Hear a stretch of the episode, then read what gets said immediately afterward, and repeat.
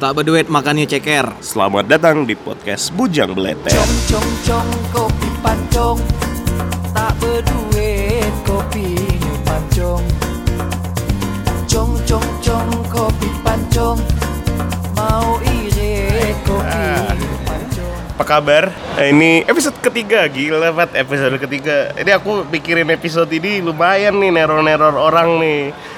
Makasih ya teman-teman yang udah mau diteror. Eh, tanya sama dulu amat apa kabar, Bat? Ya minggu ini kayaknya enak sih. Udah udah gajian kan, ya, segar gitu, mata segar, dompet segar, kan, hati pun senang kan. Kita abis makan enak ya, Mat ya. Kayaknya worth it makanan yang kita makan. Sekarang kita lagi ngopi buat stimulus ide-ide sini. Mudah-mudahan ngomongnya nggak banyak ngomong jorok, nggak banyak ngomong kasar. Tapi kalau terlewat ya mungkin baiknya emosi. Ya kita sengaja ngopi karena ini topiknya ag- agak berat sih, agak berat lah. Kita perlu mikir, kita perlu neror orang, kita juga perlu minta pendapat orang ya kan. Nah jadi kita kita kita sambil ngopi lah ya. Oke, jadi eh, gimana prolognya? Mati enaknya. Topik kali ini nih mungkin jadi topik terberat kita ya, Bro. Kemarin kan kita curhat-curhat ya, terus beleter-beleter tak jelas. Maki-maki tak jelas. Ya, harusnya jadi maki-maki yang jelas nih karena konteksnya nih lumayan pernah kita alamin. Walau kita memang nggak lagi memang momennya sih nggak pas sih, cuman kita kemarin terceletuk pikiran. Gila bahasanya apa mati terceletuk pikiran? Dipikir. ya. Nah gitu, tiba-tiba sekelibat lewat gitu. Oh iya ya Uwan ya. Kayak kita semua pernah ngerasain Uwan tuh jadi sesuatu momok yang ya bikin nggak bisa tidur, bikin nggak bisa itu, bikin gelisah lah. Ada yang pacaran putus. Eh, banyak tuh loh, dipacarin putus segala macem. Ada yang ah tak banyak lah yang harus dikorbankan Uwan tuh. Ya jadi perspektif kali ini sih aku sebenarnya ada yang udah ngumpulin beberapa opini Mat, dari kawan-kawan kita. Kawan-kawan aku, kawan-kawan kecil lah yang pernah merasakan senasib. eh, senasib sepenanggungan waktu Uwan. Jadi sebenarnya intinya aku ngeluarin dua pertanyaan besar sih. Pertama pertanyaan itu tentang Uwan tuh setuju nggak kau tentang menggunakan quote unquote senjata ketika Uwan? Terus pernah pakai atau enggak senjata itu? Alasan pakai atau enggak? Kemudian aku minta ceritakan proses dari dapatnya sampai mana tuh. Macam Bang Napi kau ya. Nah, eh aku teror tuh mas kawan-kawan aku pertama aku minta bantuan kirim mereka aku nak pinjam duit. Cuma kan ya Emang siapa pinjam duit? jadi ya gitulah pertama aku minta bantu mereka aku teror-teror ya sepulang kantor lah jadi pulang kantor agak bisa ada waktu aku bisa digging bentar buat itu pertanyaan.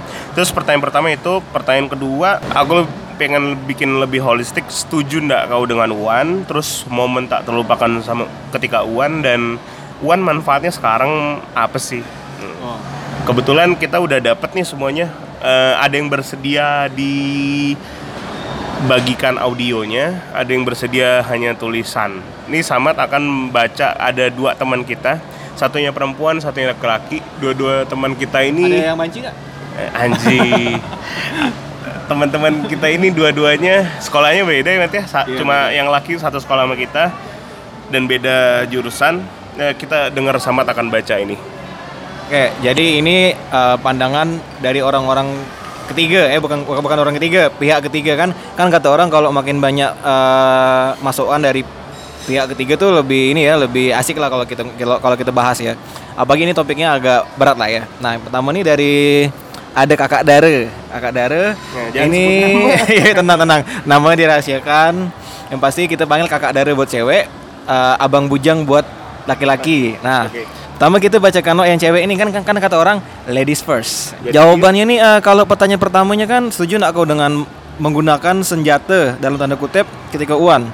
Pernah pakai atau enggak? Alasan pakai atau enggak? Ceritakan proses mendapatkannya. Ini jawabannya ya.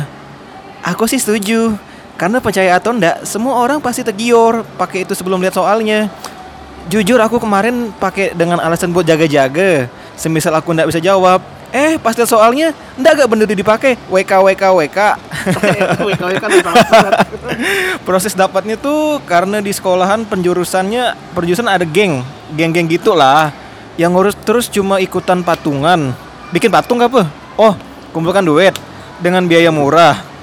Ada ada diskon ya? Udah subuh sebelum uan langsung dapat dapat senjatanya. Oh, balik. Sampai subuh ya.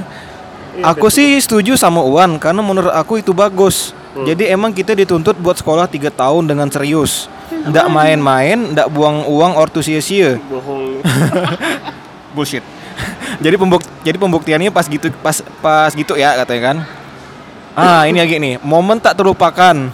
Karena aku satu sekolah sama anak Walcott di masa itu. Jadi pas hari pertama masuk TV, weh masuk TV macam cantik ya kau.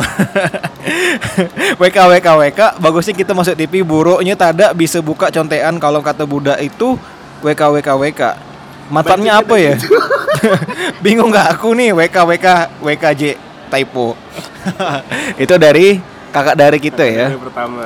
Nah. Nah, bacanya ambil mabuk. Maaf ya. Maklum ini habis minum satu kopi espresso kata orang emang bikin naik sih. Naik malu. Oke, jadi intinya sih si kakak Dara ini setuju. Eh, kalau pakai senjata tuh intinya buat jaga-jaga ya. Siapa tahu nanti, siapa tahu ilap apa bukan hilap sih, siapa tahu ngeblank lah kata orang kan. Kita kan nggak tahu kondisi fisik orang cuman waktu ujian kan. Oke. Intinya buat jaga-jaga ya. Ya, next. Oke, yang kedua dari Abang Bujang. Abang ah, Bujang. ini nih berbobot nih jawabannya sumpah. Ini Abang paling oke lah ya di sekolah kita dulu. Nih jawabannya saya bacakan ya. kau. sekolah kau. Oke. Dari Abang Bujang. Sama sekali ndak setuju. Semanjang aku SD, SMP, SMA, ndak pernah pakai itu senjata. Pintar berarti dia. Woi, orang pintar nih kayaknya. Ngapa? Justru pertanyaan mengapa harus pakai senjata? Wah, ini benar-benar tulisannya berbobot nih. Saya tidak paham bagaimana kronologi senjata itu bisa didapatkan. Tapi saya tahu dan semua orang se- segenerasi zaman itu pasti juga tahu bahwa itu udah jadi rahasia umum. Ngeri nih bahasanya. bahwa benar senjata itu bertebaran di mana-mana. Pasti ada oknum yang bermain. Bukti nyata adalah apa yang ada di media dulu sering sekali muncul berita kecurangan uan yang melibatkan pihak sekolah dalam kurung kepala sekolah. Nah, kembali ke pertanyaan mengapa harus? Sekarang pertanyaan ditambah, mengapa ada pihak sekolah yang juga mendukung dipakai senjata? Hmm. Oh, Sulit, sulit. sulit. aduh, aku ya aku baca berat rasa nih. Padahal itu sebuah kecurangan. Mengapa? Udah macam skripsi ya. Dan kalau boleh berbagi pengalaman, dulu pernah ada guru yang berkata, "Sile jak nyontek asal nggak ketahuan dan tidak keterlaluan." Ketahuan dan tidak keterlaluan.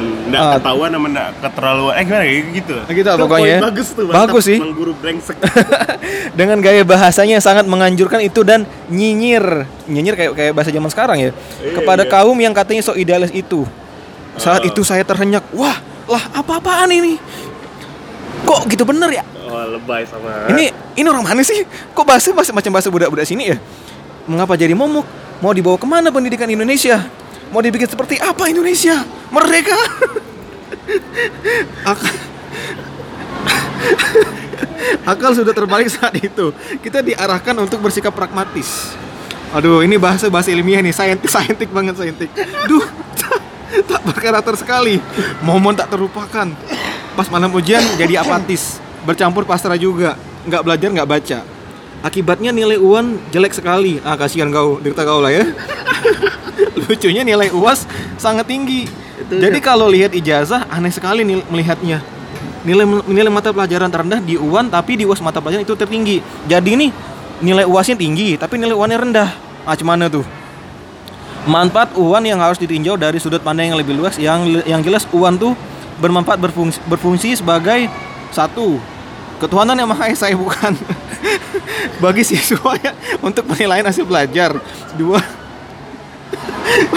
bagi pemangku kepentingan atau, atau pemerintah sebagai evaluasi tempat tingkat pendidikan. Ini bahasnya benar-benar bahasa birokrat ya. Ini mungkin orang pejabat kayak ini ya. Calon.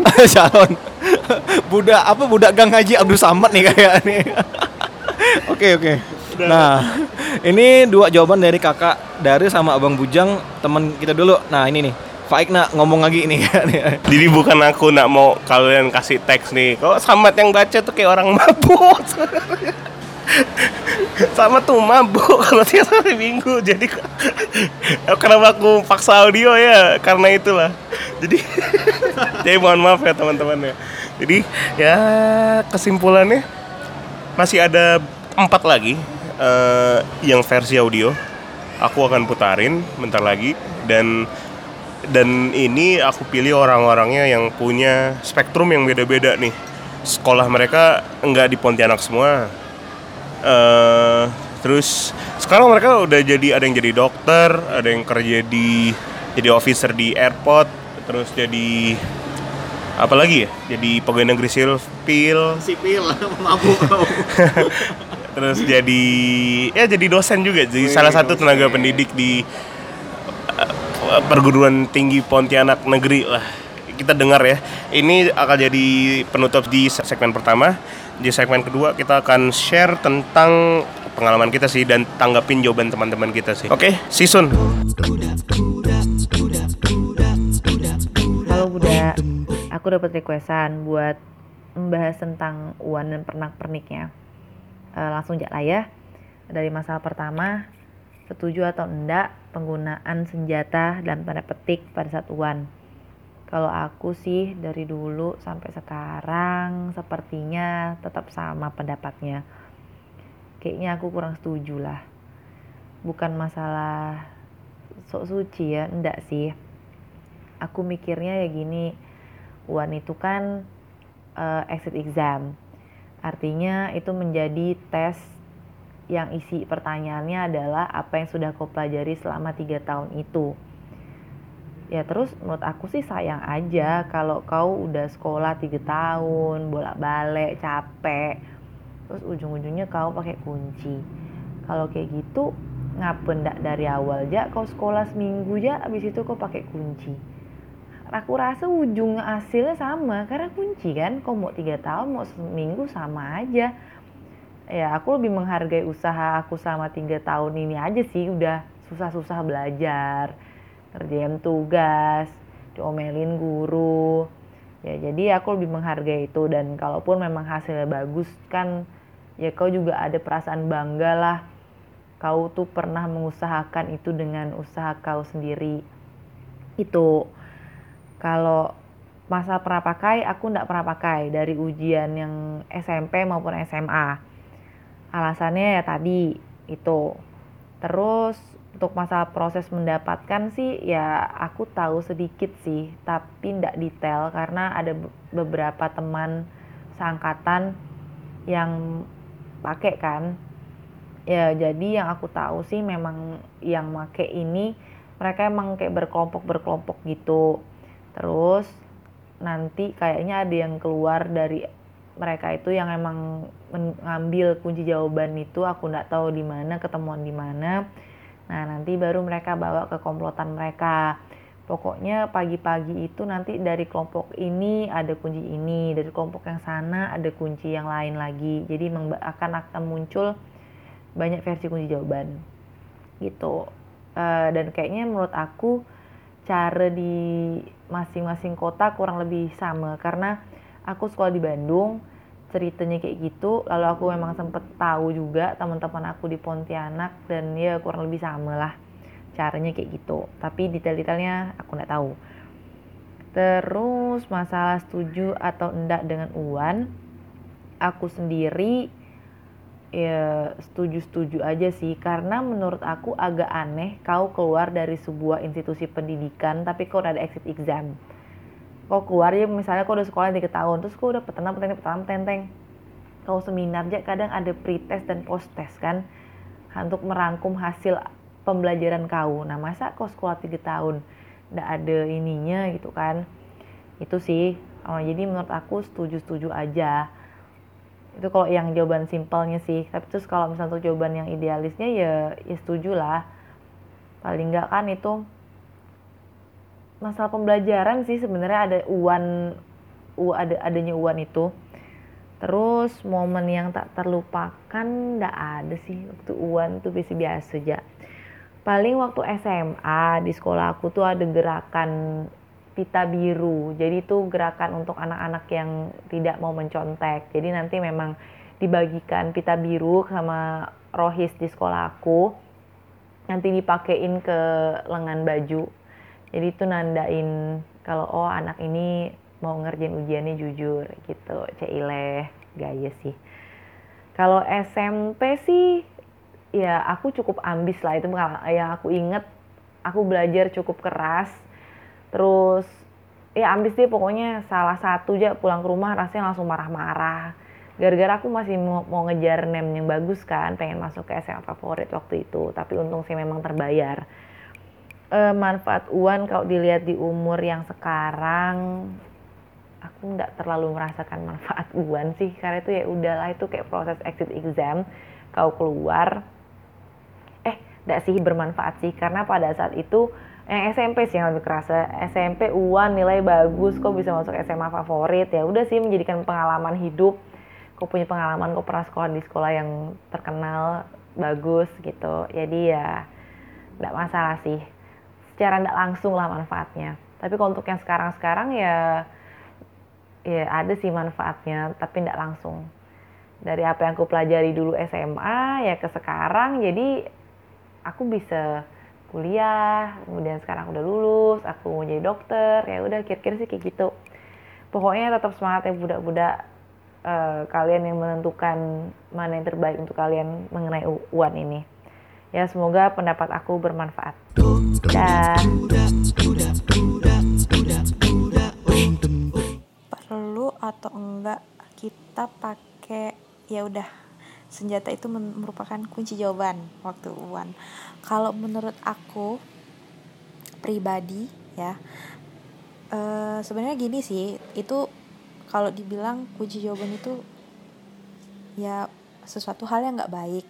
Cuman ya apa ya mungkin bisa dibilang aku nggak pede atau belum percaya diri lah dengan kemampuan diri aku sendiri dan eh sebenarnya kunci itu sebagai pegangan sih bukan sebagai jawaban tapi pegangan kayak gitu. Jadi eh apa ya kalau aku sih dulu waktu SMA ya em, aku tuh tipe orang yang zaman SMA itu ya maksudnya bukan ya walaupun ya anak IPA nih ya ceritanya anak IPA tapi tetap aku tuh ya disibukkan dari kelas 1 SMA sampai ke kelas 3 SMA dan menjelang ujian itu aku disibukkan dengan ekskul ekskul eh, dengan ekskul dengan ekskul ya. Jadi ya karena aku tuh merasa apa ya semangat semangatnya nih ceritanya kan dengan ekskul ini ya.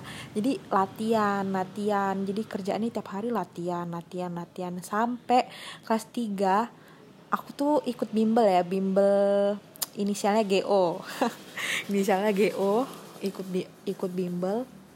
Nah itu aku sampai pindah ke tiga cabang GO hanya untuk menyesuaikan jadwal latihan aku ke jadwal les bukan jadwal les menyesuaikan jad, eh gimana ya? Bukan jadwal latihan yang menyesuaikan les tapi jadwal les menyesuaikan latihan bayangin.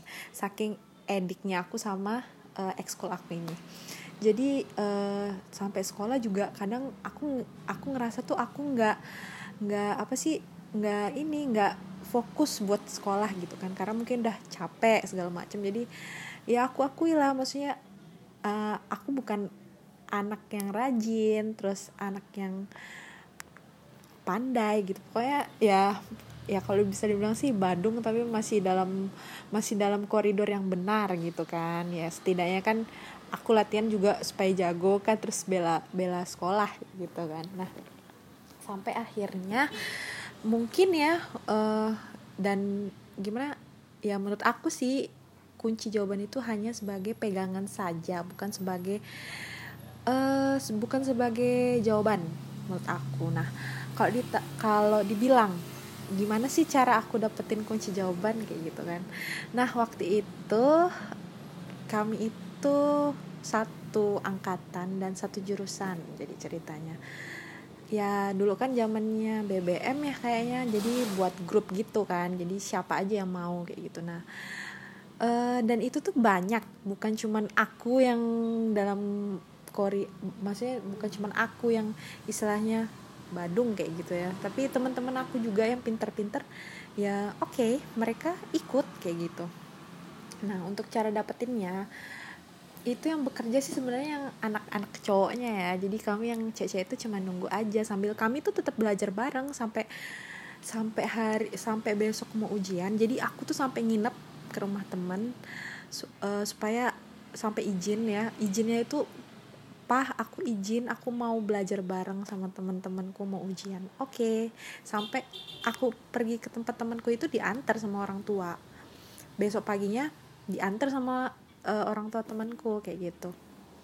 Dan di situ em, gimana ya pokoknya yang kerja itu cowoknya. Jadi kami cuma nunggu kami cuma nunggu dan ya cowoknya bekerja terus dapat dan dapatnya itu pagi. Dapatnya pagi nah pas itu eh, aku mikir aku nggak akan percaya nggak akan percaya sama kunci jawaban sebelum aku ngerjain soalnya. Jadi em, ya aku kerjain dulu aku ya gimana ya Eh, mungkin ini tidak patut untuk dicontoh tapi ini trik aku waktu itu. Jadi pas klasik sebenarnya cara nyonteknya cara ngepeknya itu klasik lah. Eh, taruh di dal apa? Di belakang ini loh penghapus. Nah itu contekannya itu taruh belakang penghapus.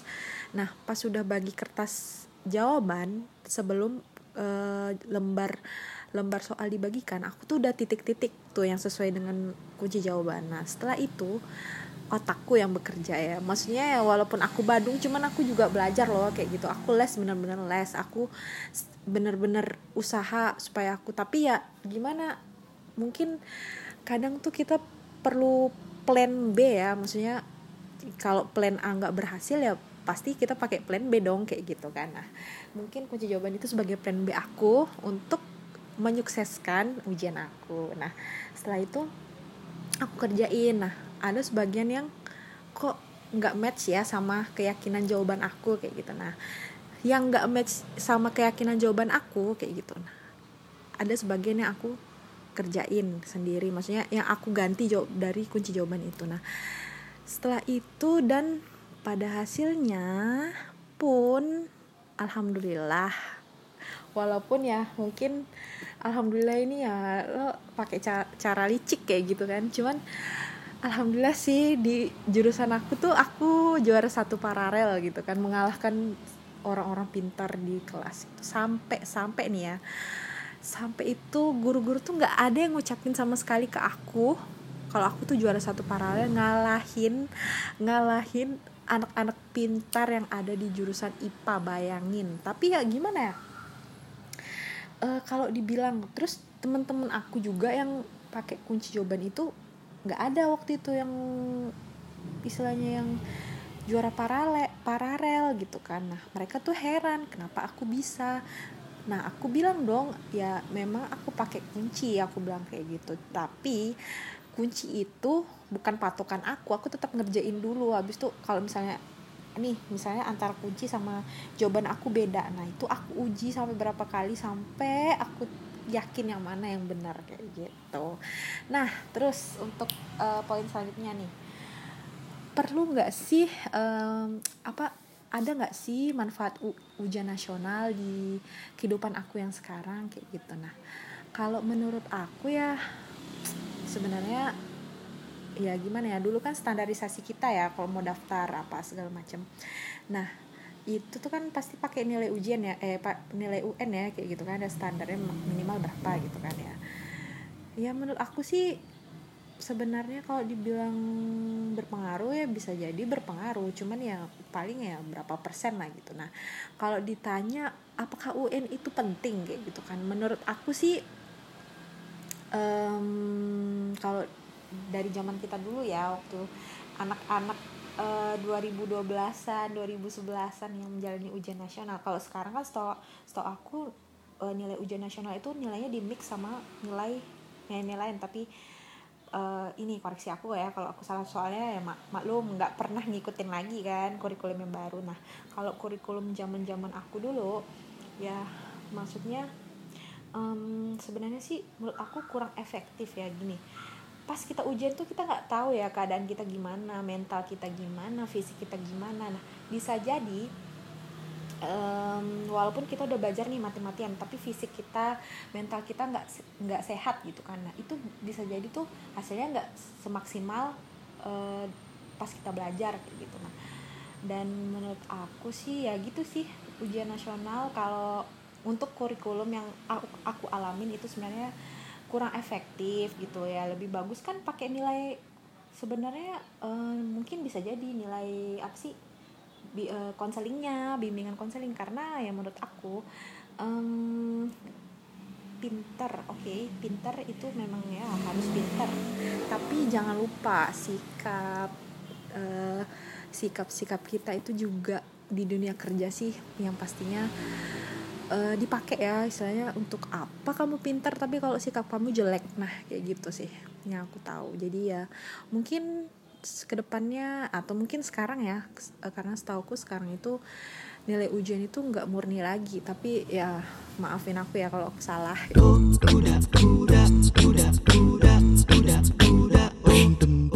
Oke, ada yang nanya nih, setuju ndak kau menggunakan senjata kalau uan? Hmm, ini kan kita kan karena ngomongin zaman SMA ya. Kalau misalnya dibilang setuju ndak setuju, secara moralitas sih ya ndak setuju lah. Cuman ma- pasalnya nih kan kalau uan zaman SMA nih kan agar biar lulus ya. Ndak guna gak kalau kau mau nilainya tinggi kayak gimana ndak ada orang peduli, ndak ada orang ngeliat. Jadi kalau buat aku sendiri sih Hmm, setuju-setuju ya. Hmm, kalau misalnya dibilang pernah pakai, pernah sih. Hmm, tapi em, makainya gimana ya? Bukan kunci jawaban atau gimana? Karena kami sih nggak ngerti kalau mereka budak itu dap- dapat kunci jawaban dari mana. Hmm, lebih ke nyiapkan rumus, bikin-bikin di kertas kecil gitu kan atau di mana taruh di mana kotak pensil ke apa ke gimana caranya lah pokoknya bikinnya rumus. Nah, bikin rumus diselipkan entah di mana dapat soal dikerjakan lah pakai rumus-rumus yang udah kita siapkan pasalnya uan ini kan cuman buat lulus. Kalaupun kami lihat yang namanya uan itu kan semuanya dipukul rata apalagi kan untuk orang-orang yang tidak terlalu ngerti dengan nilai apa dengan mata pelajaran yang eksak payah kak? Kan kita kan mau lulus ya. Kalau misalnya nanti mau masuk universitas lagi kan pasti ada tesnya lagi lah. Jadi kayak misalnya uan tuh gimana ya? Ya cuma buat lulus lulus ya buat aku. Hmm. nah kalau misalnya ditanya setuju ndak kau dengan uan kalau aku boleh bilang hmm, setuju setuju ja karena kan uan kan sekarang kan tidak mencerminkan kelulusan. Karena kan ada dilihat dari progres kita sejak awal gitu loh. Dari yang kelas 1, kelas 2, kelas 3 nilai rapot kan semua kan masuk di hitungan biar kau lulus. Kalau zaman dulu iya kurang setuju, cuman kan kami nggak ngerti macam mana caranya tuh. Ada uan atau gimana? Kalau sekarang kan udah ngerti dah nih. Uan tuh bentuknya kayak gimana, buat apa. Nah, jadi kalau misalnya uan tuh ada sekarang masih masuk akal karena apa yang kita kerjakan selama tiga tahun ndak ditentukan dalam kurun waktu 4 hari macam dulu. Nah, kalau momen tak terlupakan tentang Uwan tuh apa ya? Kami malah lupa dah. Soalnya Uwan tuh gitu-gitu ya. Belajar gak ndak belajar, malam hari-hari itu malah main PS, main FIFA sama budak. Mana ada kami belajar benar-benar belajar. malah semalam sebelum kami Uwan tuh main FIFA dengan budak jadi cuman lah jadi kayak ndak gak kita mikirkan uan kayak gimana sih tapi ya ya gitulah ya alhamdulillah sih lulus soalnya kan nilai-nilai yang zaman-zaman dulu kan bagus. Uan tuh kami berapa ya? Rata-ratanya lupa. Pokoknya tuh paling tinggi nilai kami 8 sisanya sangsot semua. Oke, jadi ada yang nanya aku mengenai pendapat aku tentang keberadaan atau ya eksistensi dari ujian akhir nasional. Eh, bagi aku pribadi itu aku agak kurang setuju ya kalau misalnya mau mengetes kelulusan siswa baik itu entah dari SD, SMP sampai SMA itu melalui yang namanya ujian akhir nasional. Agak kurang pas ya mengukur eh, apa tingkat keberhasilan seorang siswa yang udah dari tiga tahun bahkan yang enam tahun itu melalui suatu tes yang dilakukan eh, tiga hari sampai dengan empat hari kurang fair menurut aku sehingga eh, aku berpendapat kalau misalnya mau mengetes kelulusan seo- seseorang itu ya mengetes dari awal dirangkum nilainya dari yang ketika dia masuk sekolah sampai akhir sekolah. Nah, nilai-nilai yang dari awal sampai akhir itulah yang bisa diakumulasikan uh, untuk mengukur bahwa oh, apakah si anak ini atau si siswa ini nih uh, layak lulus atau enggak.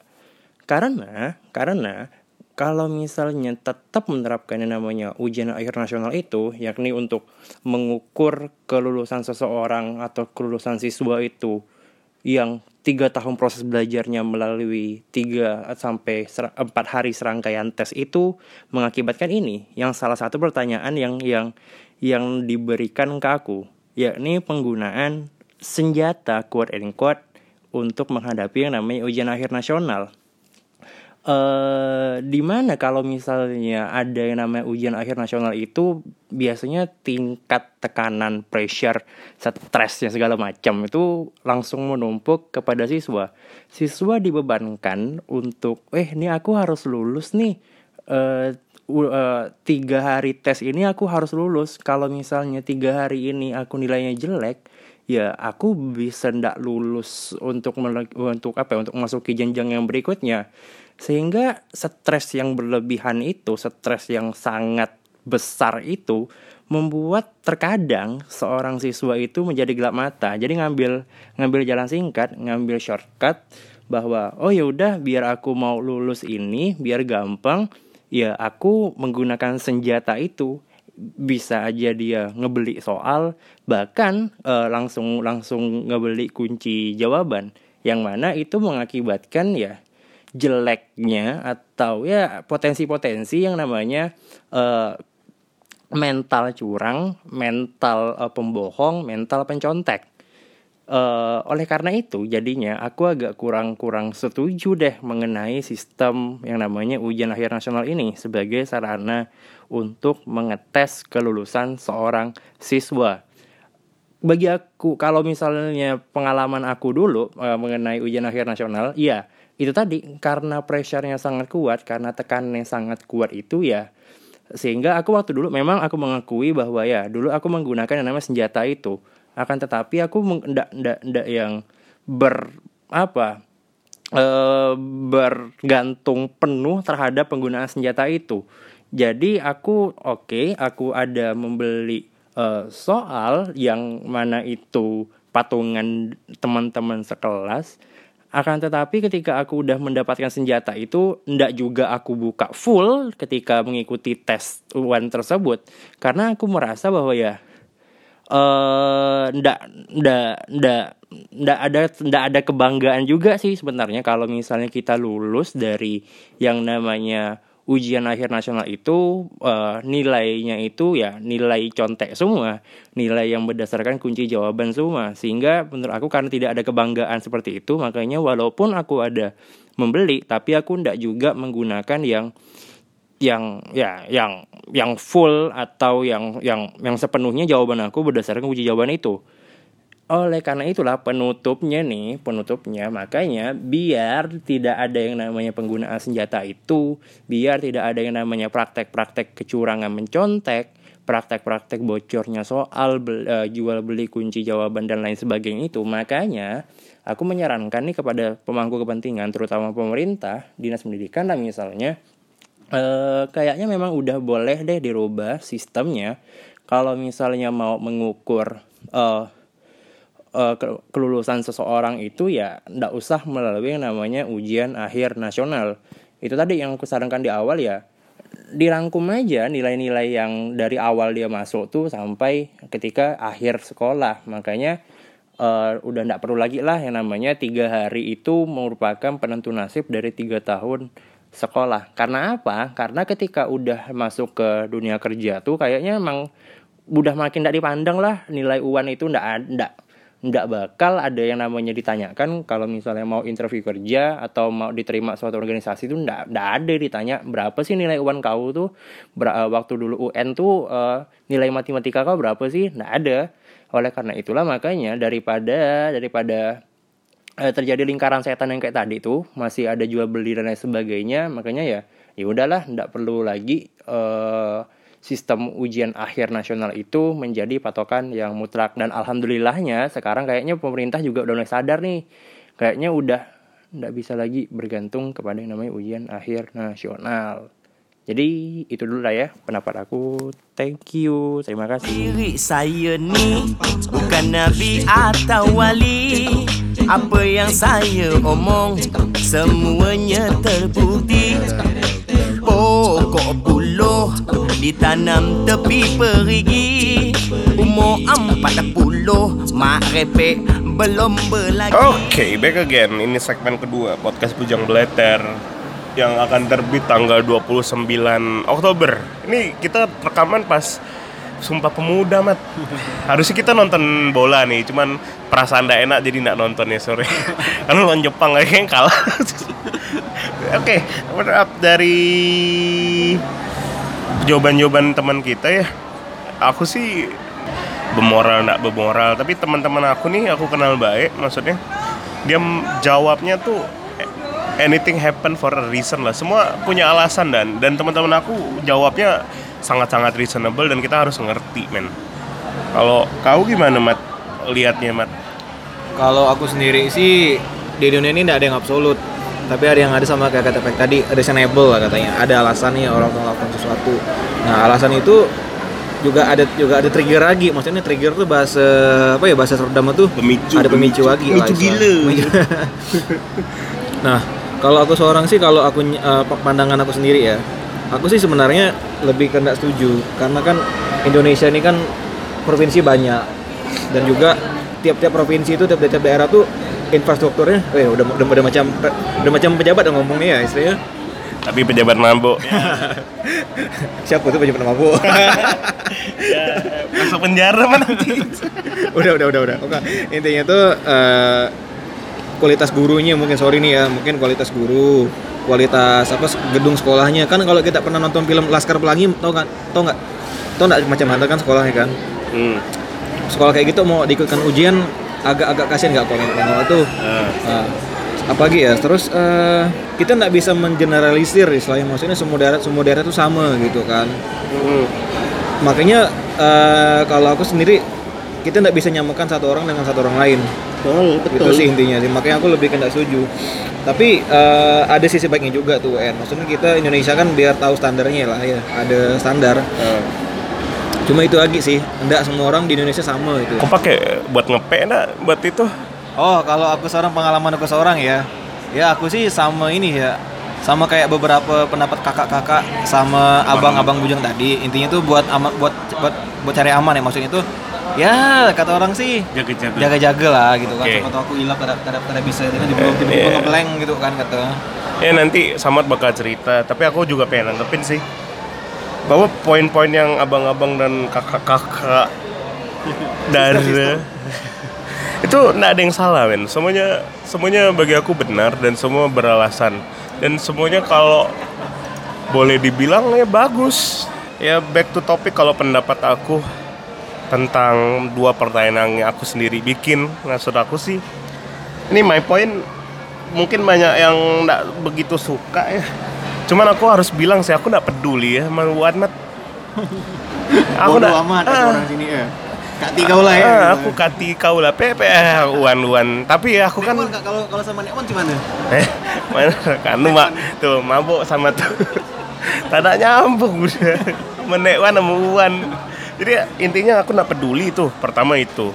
Tapi kalau dilihat dari kisah zaman dulu ya kenapa aku bisa masuk SMA 2 tuh kan gara-gara Uwan yang gagal lah ibaratnya. Yang kenal aku zaman SMP tuh aku pernah ngelakukan kesalahan lah waktu SMP dan aku bikin orang tua aku eh, lumayan kecewa lah waktu itu. Kok anaknya nilainya ala kadarnya. Ala karte. kalau ala karte nugget tuh enak Mat. kalau ala karte nilai itu Sedih ya? nilai matematika aku 4,25 Kok sama?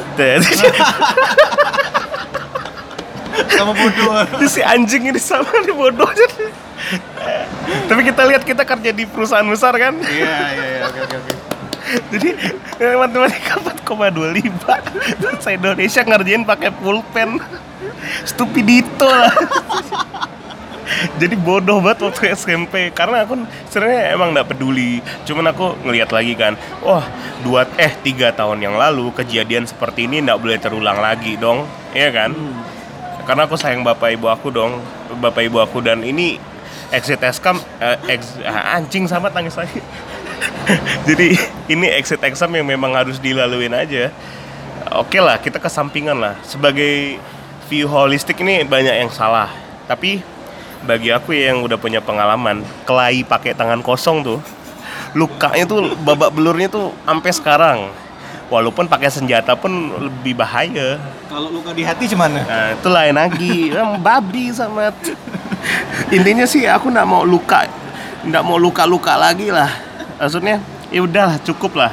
Dan aku pun jujur aku pakai. Dan aku orang yang bantu jawab soal itu. Wow. Dan aku orang boleh sombong-sombong aku yang ngerjain soal buat kunci jawaban. Alamak. For uh, beberapa subjek sih, kecuali matematika lah. Ya, karena bukan apa ya. Dan karena bukan apa, karena aku pun udah stres dengan matematika tuh dari zaman dulu. Oke lah, sampai masuk IPS tuh karena aku pikir aku nggak mau ketemu hitung-hitungan lah. Walaupun Tapi kok kerja pun pakai hitung-hitungan nggak Ya, kan? walaupun sekarang kerjanya ilmu ilmu eksak ya maksudnya Iya. yang harus dihitung harus logikanya bermain tapi ya enggak juga lah maksudnya aku memang nggak begitu suka dengan hitungan dan sampai akhirnya aku berikhtiar doa harus ada ikhtiarnya kan aku les dari bimbel konvensional panggil guru ke rumah sampai datang ke guru kita Nat, yang rumahnya itu ingat kan kok Di mana tuh? Bu Berta Oh iya. Nah, kan kita pernah les sampai ke rumah dia tuh. Cuman ya berapa kali uan, eh berapa kali uan, berapa kali ujian sekolah, ulangan harian, nggak ada mat yang aku bisa jawab satupun. nih, nih, nah aku nggak tahu lah. Dulu tuh memang tebak-tebakan kancing dan aku nggak mau kejadian di uan kayak gitu. A B C D. Ya, pokoknya intinya kalau pakai tangan kosong tuh lukanya lebih lama sembuh lah daripada pakai senjata. Walaupun pakai senjata bisa mati. Nah, nah, tapi aku pakai senjata pun hanya di matematika ya. Ya, ya, ya. Pakai matematika karena memang nggak bisa jawab sama sekali. Terus eh apa lagi ya? Ah, aku aku mau share juga. Ketika penggunaan senjata itu diambil sebagai putusan, tentu harus ada latihan dong, eh. Pastilah. harus ada latihan lah. Dan sekolah menyediakan itu. Karena kita tryout hampir 5-6 kali, Mat ya. Iya. Nah, jadi di tryout tuh aku ibarat kalau main main band tuh aku shaping tuh. Aku bedah satu-satu caranya dari gerak tangan aku, dari naroknya di mana, dari muka harus gimana tuh aku pelajarin tuh. Kayak main basket lah. Skema offense defense tuh Weh, basket nih. skema offense defense tuh memang dipelajarin by latihan aja, by learning, by doing. Ya jadi aku persetan lah dengan moral waktu itu karena yang kupikirin aku pengen lulus ya. Jangan sampai gara-gara satu aku nggak lulus. Dan for your info, nilai aku tuh terbagus sekali Kalimantan Barat, boy, boy. Oh, bala, bala. Walau eh, andai kan kalau aku nggak pakai kunci jawaban, tak lulus. tak lulus tuh bayangin. Karena kayak, kayak satu mata kuliah dulu tuh Iya. Ah, eh, Mat, bahaya. itu Mata jadi kuliah. eh mata kuliah mata pelajaran kayaknya jadi, jadi akan bahaya karena masih belum nggak tahu ya, hitungan zaman dulu tuh masih sampah lah pokoknya empat hari itu menentukan tiga tahun sekolah kita Iya, iya. Makanya banyak yang nggak setuju dan segala macam aku yang ganti paham Diri, ya kan.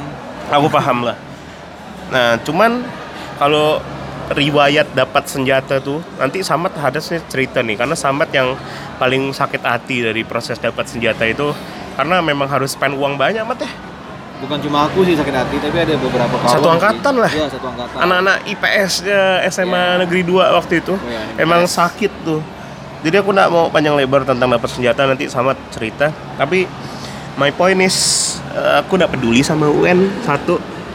Dan persetan dengan UN maksudnya ya pemerintah memang salah aja. Memang salah bagi aku memang salah.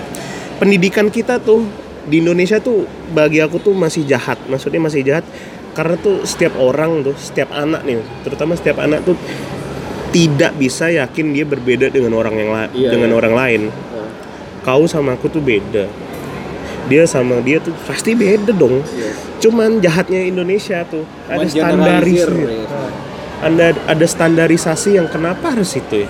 Padahal Ki Hajar Dewantara pernah bilang mat maksudnya ini nggak tahu ya dia kan orang pendidikan cuman kayaknya diirawin sama tuh dia apa anak India atau gimana?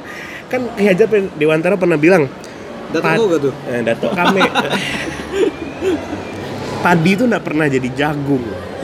Kau mau gimana pun jagung kau tuh tak pernah jadi padi. Dan padi tuh nggak bakal jadi jagung jagung nggak bakal jadi padi. Iya, iya. cuma kayaknya pemerintah zaman itu ya bodoh ba Zaman bodoh old, bo- old. nggak, bodoh benar gitu maksudnya ide mikirin gimana kita kalau bikin UN aja biar gampang itu ide dari siapa sih sebenarnya? itu ide sampah dari mana gitu entah itu memang buat korupsi berjamaah Astagfirullah. atau gimana nah kan eh, kita kalau dibilang salah ya kita kita nonton masa salah orang yang dari itu salah juga ya kita playing the role aja kan Ya sih, eh, intinya gini sih, aku juga punya pendapat dengan kau sih. Kita tuh, aku kan juga tahu nih, kalau kata Deddy Corbuzier, dia nggak peduli anaknya ranking berapa. Tapi dia peduli gimana nih anak eh, punya bakat di mana kan? Kan tiap anak tuh bakatnya beda-beda. Mungkin si anak nih sorry nih di, di matematika dia hmm, kayak aku dan ah, kau lah buruk lah kan. Tapi mungkin dia di di subjek lain atau di pelajaran lain dia bisa jadi jenius atau mungkin di luar dia bisa jadi jenius. Itu orang tuh jenius di di masing-masing bidangnya gitu. Jadi benar kita nggak bisa mengeneral, mengeneralisir istilahnya. Semua orang tuh punya karakter unik Iya. gitu. Makanya pendidikan di Indonesia tuh masih masalah dengan standarisasi. Kenapa harus standar? Kenapa harus disamaratakan? Karena pun janganlah kita ambil paling kecil lah. Budak-budak tuh beda kelakuannya. Sekolah tuh beda. SMA kita sama SMA tetangga beda. Daerah kekuasaan politik tuh beda semuanya. Nah makanya kau nggak bisa ngelihat nggak bisa ngelihat ikan tuh dengan cara joget Nat. Yang bisa joget cuma topeng monyet. Kenapa ikan tuh dinilai dari joget? Kayak baik nilai dari matematika. Ya nggak bakal bisa sih baik ini. Makanya pernah gak tuh kuliah di Instagram? Ada ke- kerak, ada ikan dalam akuarium Ada kodok, ada gajah. Semuanya disuruh manjat. Ya yang menang pasti monyet lah kan, ya kerak yang menang kan. Yang lain mana bisa manjat? Intinya tuh kita kalau aku sih punya saran sih Intinya tuh pendidikan harus lebih tersegmen. Misalnya si anak ini dari kecil dia pengen jadi apa kan? Nanti Hmm. gurunya bisa guru atau orang yang bertanggung jawab atas pendidikan dia tuh Ini bisa ngarahkan "Ah, nak kamu ngambil mat- ngambil mata pelajaran ini ini ini karena kamu pengen pengen jadi ini kan jadi kamu cukup ngambil ini aja gitu. Jadi kan ya kalau kayak kayak di di kampung kame yang ada di Finlandia gitu katanya sih. Kampung kau lah jadi aku ngerti sih kenapa sekarang banyak bapak-bapak grumpy men maksudnya yang suka marah-marah. Karena kan kita capek ya kerja ya. Capek kerja terus bayar pajak. Slip gaji aku tuh pajaknya besar mat. Weh, besar gaji kau nih. Ya maksudnya, maksudnya anjing kok pemerintah masih mikirin cara-cara yang instan yang cepet kelihatan berhasil tapi enggak gitu. Ini salah satunya UN lah. Kayaknya mulai diperbaikin ya tahun ini. Ya katanya sih eh, gitu. Katanya sih intinya sih kalau kalau kata salah satu abang bujang tadi itu nilai dia sekolah dari awal dia sekolah sampai dia mau tamat tuh dirangkum jadi satu. Jadi nilainya tuh ada porsinya. Katanya sih gini sama gak macam adik aku? Aku punya adik, SD baru tamat SD kan. Dia, dia dia bilang benar. Jadi nilai sekolah sama nilai UN tuh nanti ditambah terus dibagi gitu kalau nggak salah ya. Jadi ada jadi jadi sekarang lebih proporsional lebih adil lah gitu ya, istilahnya. Ya keadilan nomor satu lah ya. Maksudnya jangan jangan dilihat dari hanya empat hari dan tiga hari aja. Jadi udah udah lebih lebih baik lah sekarang nih kan Iya.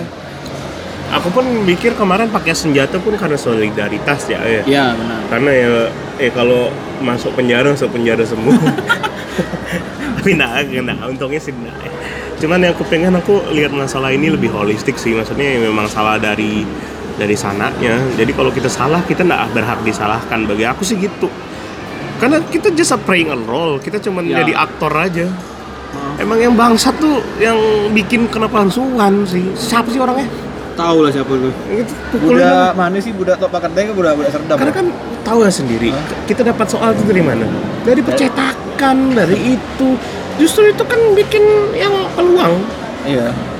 karena apa? Ya ya harus dilihat dari akar masalahnya lah.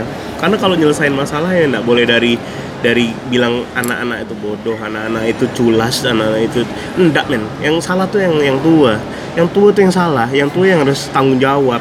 Yang kita kasih duit dari pajak itu tuh yang kerja di kementerian bukan anak-anak yang kita nah bukan anak-anak yang kita harus bilang kamu jangan nyontek. Ya mereka cuman iya Jadi itu ibaratkan kata orang tuh macam rode lah ya, em, enggak macam lingkaran lah, Lingkaran ya. setan. Lingkaran setan, lingkaran besar, lingkaran ya kecil. cuma kan setannya pasti ada dan Nah. bunuh setannya dong jangan bunuh Iya. lingkarannya Jadi gini, intinya tuh orang tuh melakukan kecurangan atau kata bahasa bahasa, il- bahasa ilmiahnya ya itu namanya fraud. Fraud. Ya, fraud. Bukan ini ya, bukan fraud buat ini buat pensil tuh ya. Itu itu pekaut nama, bukan fraud. Pengawet ya, Ini- pakai era deper.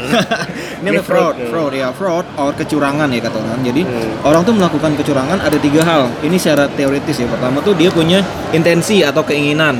Yang kedua itu ada kesempatan. Yang ketiga Opportunity. ada opportunity, opportunity atau eh sorry. Yang kedua opportunity. in- in- apa eh, intensi atau keinginan, opportunity atau kesempatan, ketiga reward atau hadiah. Nah reward nih hadiahnya adalah nilai bagus, dia lulus rewardnya. Opportunity eh, kan tadi kata Faik ada percetakan, ada macam-macam, ada oknum yang ngejual kunci jawaban Ada soal macam-macam. ya, ada yang cari rezeki dari itu ada opportunity, intensi. Kenapa kita punya intensi? Kan kenapa kita punya keinginan? Karena ya gitu. Pengen lulus. Pengen lulus. Sama gini sistemnya terlalu berat pada pada pada masa itu ya maksudnya masa itu. eh, kita lulus tiga tahun tuh ditentukan cuma dalam empat hari. Makanya kita ketakutan. Kalau orang ketakutan orang kepepet kan apa pun bisa dilakukan. Otak Nah, otak otak lu nggak begitu panjang. Ah, jadi mikirnya mikir pendek gitu, Iya. gitu.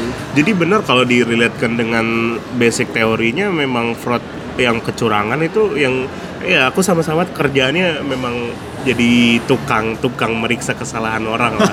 Maksudnya karena kita tahu kita nih orang yang pernah berada di posisi yang salah dan kita tahu kenapa orang bikin salah ya nggak Mat ya? Iya. Secara teori forensik itu kan benar ya. Wih. Entah di kerjaanku sebagai auditor, Auditor, accounting ya. ataupun aku sebagai IT consultant nih maksudnya aku akan lihat point of view tuh trigger-trigger ini nih datangnya dari mana ya pasti dari opportunity yang ada Ya, nggak mungkin kalau nggak ada opportunity kita bisa ngelakuin.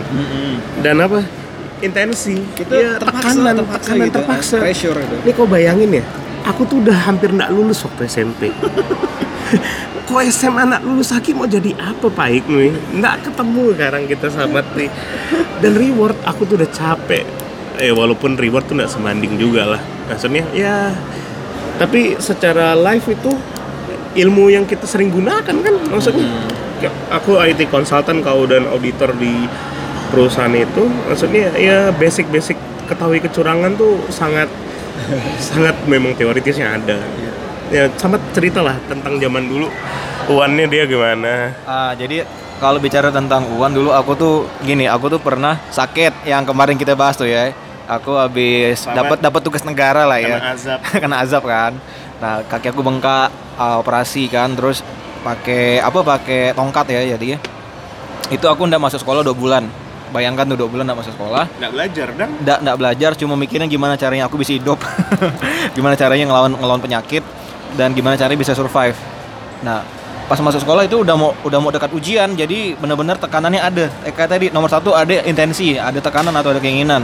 Jadi aku mau nggak mau nggak mau harus mau eh harus mau. Maksudnya kebetulan teman-teman juga mengadakan. mengadakan itu ada opportunity ya udah. Oke nih aku mikir juga sama reward. Aku mikir kalau ak- karena aku ndak belajar karena aku ini aku pengen nilai aku minimal lulus lah kan. Minimal juga bagus lah. Ya ada ini ada rewardnya kan selain makanya aku suka ndak suka ini senjata gue beli. Gitu. Ya karena ini karena kayak ada, ada tiga tadi. Ada intensi ada ada opportunity ada reward. Nah itu sih penyebabnya. Terus sama proses-proses udah nah proses ya. kan ini kayaknya harus ah di-highlight nih. ini ini harus banyak sensor ini kayak ini tak boleh sebut nama tak boleh sebut macam-macam lah ya jadi yang pertama gini waktu itu budak-budak sepakat nih ada dia dia sebutlah oknum A lah kata dia waktu itu bilang ada kenalan nih yang ngejual itu ngejual Soal. soal sama kunci gembok eh kunci gembok kunci jawaban lah kan nah jadi kebetulan waktu itu kita pas zaman kita dulu ujian tuh dibagi jadi lima soal Lima- lima paket lima soal. paket soal atau lima soal yang beda-beda mungkin Tapi beda ke soalnya Ah, enggak beda sih cuma beda Order aja kan, beda urutan. beda urutannya aja beda. Jadi waktu itu kita sama-sama sepakat ngumpulkan duit. Weh, ngumpulkan duit nih. Dengan cara kita jualan. Jualan Nggak. somai begitu ya? Nggak, nggak. Jadi jadi kita memang harus menyetorkan sebab Iya. uang yang udah ada. Jadi modal lah istilahnya. Heeh. Dan kita bukan nggak jadi modal itu memang jadi ongkos setoran aja. Ah. jadi uangnya tiga ratus ribu rupiah waktu itu. Dan kita harus nambah kekurangannya lebih banyak. Dengan dengan, cara cara, jual. jualan. Nah samat sama aku samat sama aku tuh dalam satu perahu yang sama waktu itu yang jualan. Karena ada beberapa dikembangkan jadi objek-objek lain. Ada yang judi bola nih for your info ada yang judi bola Sampai sekarang. ada yang apalagi mati yang mengembangkan yang kita tahu ya Iya. nah, cuman cuman tiba-tiba sejalan ini ada yang inisiatif nih di perahu yang sama nih ada yang inisiatif ndak bilang ndak apa dia ke mana kan duit itu ibaratnya Nah. nilep lah nilep nilep Transparansi tak ada kata nah orang. transparansi tak ada sedangkan yang bahkan yang tak bermoral tuh yang judi bola yang ngasih tahu aku judi bola ya aku pasang sekian sekian Heeh. Nah, karena yang jualan pun ada alasannya, eh aku balasannya mau jual somai jadi harus beli ikan tenggiri segala macam. Reasonable. Nah, eh, reasonable dan memang ada pertanggungjawabannya. Nah, tapi tiba-tiba di perahu yang sama nih ada yang ngebocorin nilep duit lah Iya, istilahnya. intinya kita tuh pengen tahu sih itu duit tuh uh, dapatnya dari kita kan, dari kita sama-sama. Maksudnya kita tahu. uh, itu dipakai buat apa, ada sisa enggak? Kalau ada sisa itu mau di mau diapakan gitu kan. Kalau kalaupun tak ada sisa nombok, kita kita bantu di nombok lagi gitu kan. Dan kau tahu itu kan menyita waktu ya, maksudnya nyita waktu, Takes nyita time. nyita-nyita semuanya lah. Jadi yang harusnya kita belajar malah kita jualan. Yang harusnya kita ngapain malah kita dagang, malah kita judi bola, nonton bola. Walaupun dulu ada live score sih masih ada. Cuman ya memang gimana lah kondisinya gitu tuh dan Yes. bikin emosi. Jadi aku tuh udah nggak mau ikut campur tuh sampai hari H ujian. Jadi terserah kau lah maksudnya. Dan baru ketahuannya tuh kayak setelah ujian ya Mat ya. Setelah kita lulus. Eh, enggak enggak setelah ujian lah instan itu ketahuannya karena apa coba karena selama ujian itu enggak pernah ada yang berhasil lihat soal yang dia bilang Ya, enggak ada hasilnya selain aku ngerjain soal itu bukan soal dari dia setahu aku sih dan kau ingat waktu ujian matematika kita kan tidur di rumahku kan Iya, iya, iya. Nah, Ingat, ingat, yang ingat. yang kita nonton bola malamnya di judi juga nggak itu.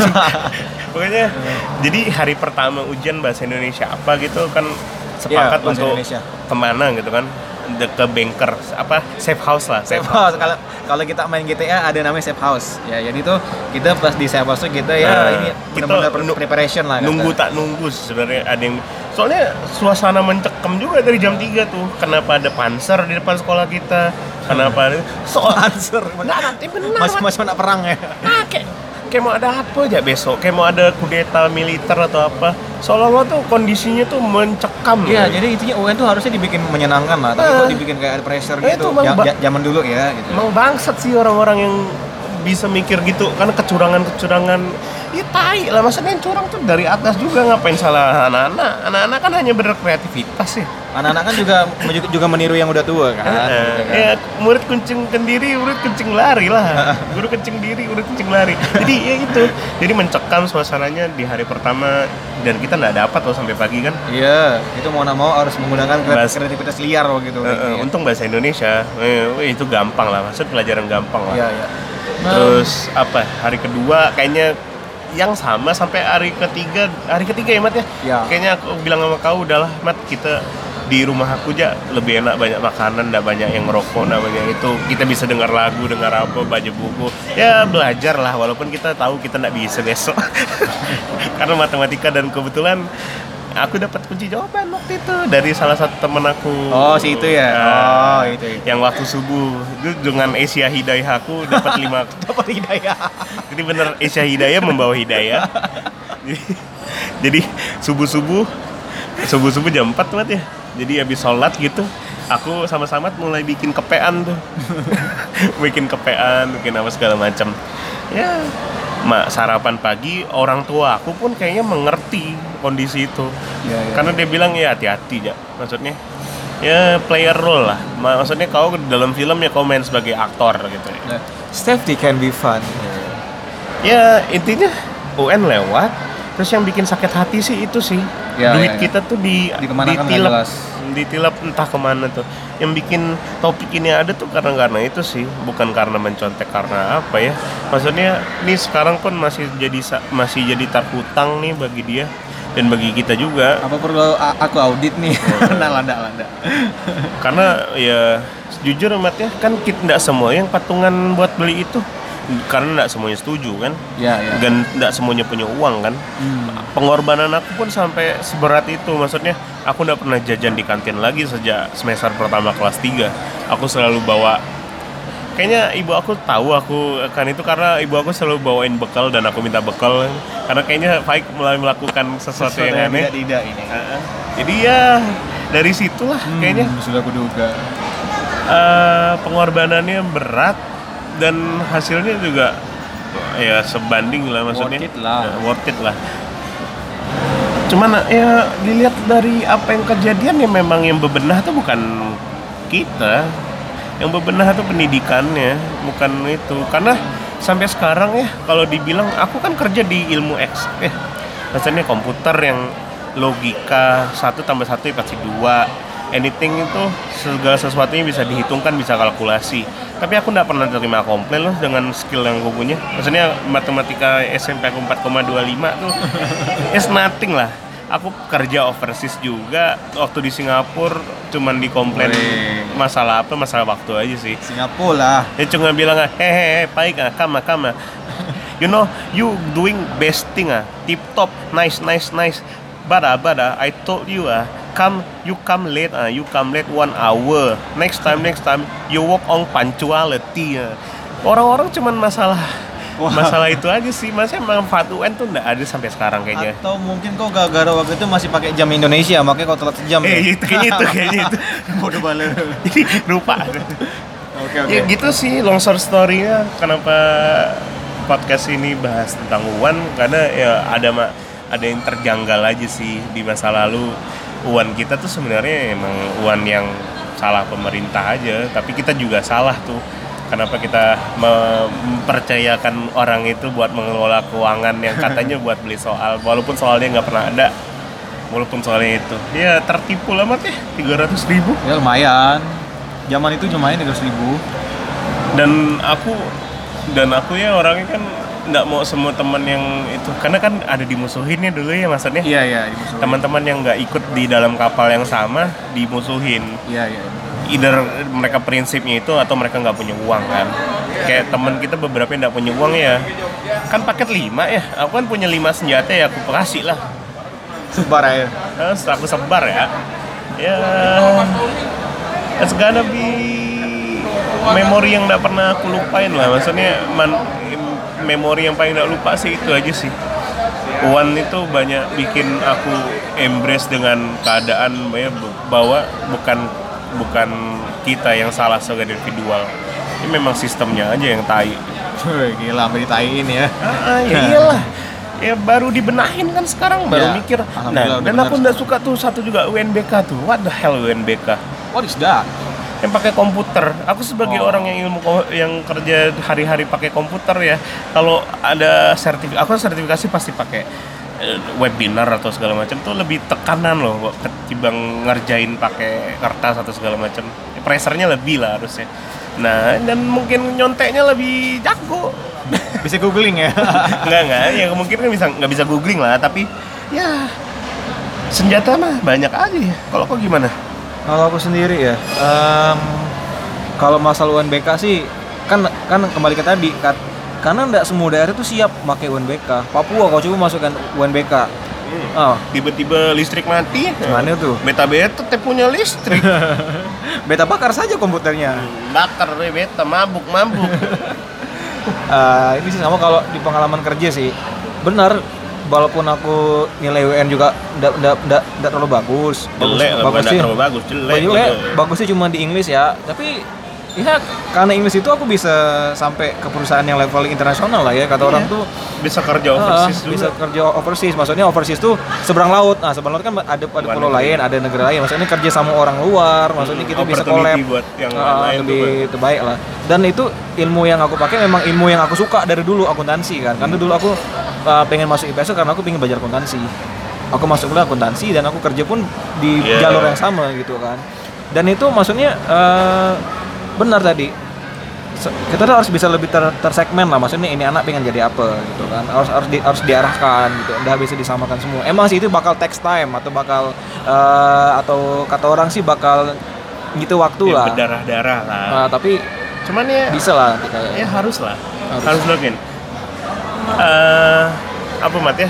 Aku kayaknya harus berakhir di kesimpulan udah lumayan panjang, udah hampir 30 menit. berat topik ini Ya, di segmen ini aja udah 30 menit ya.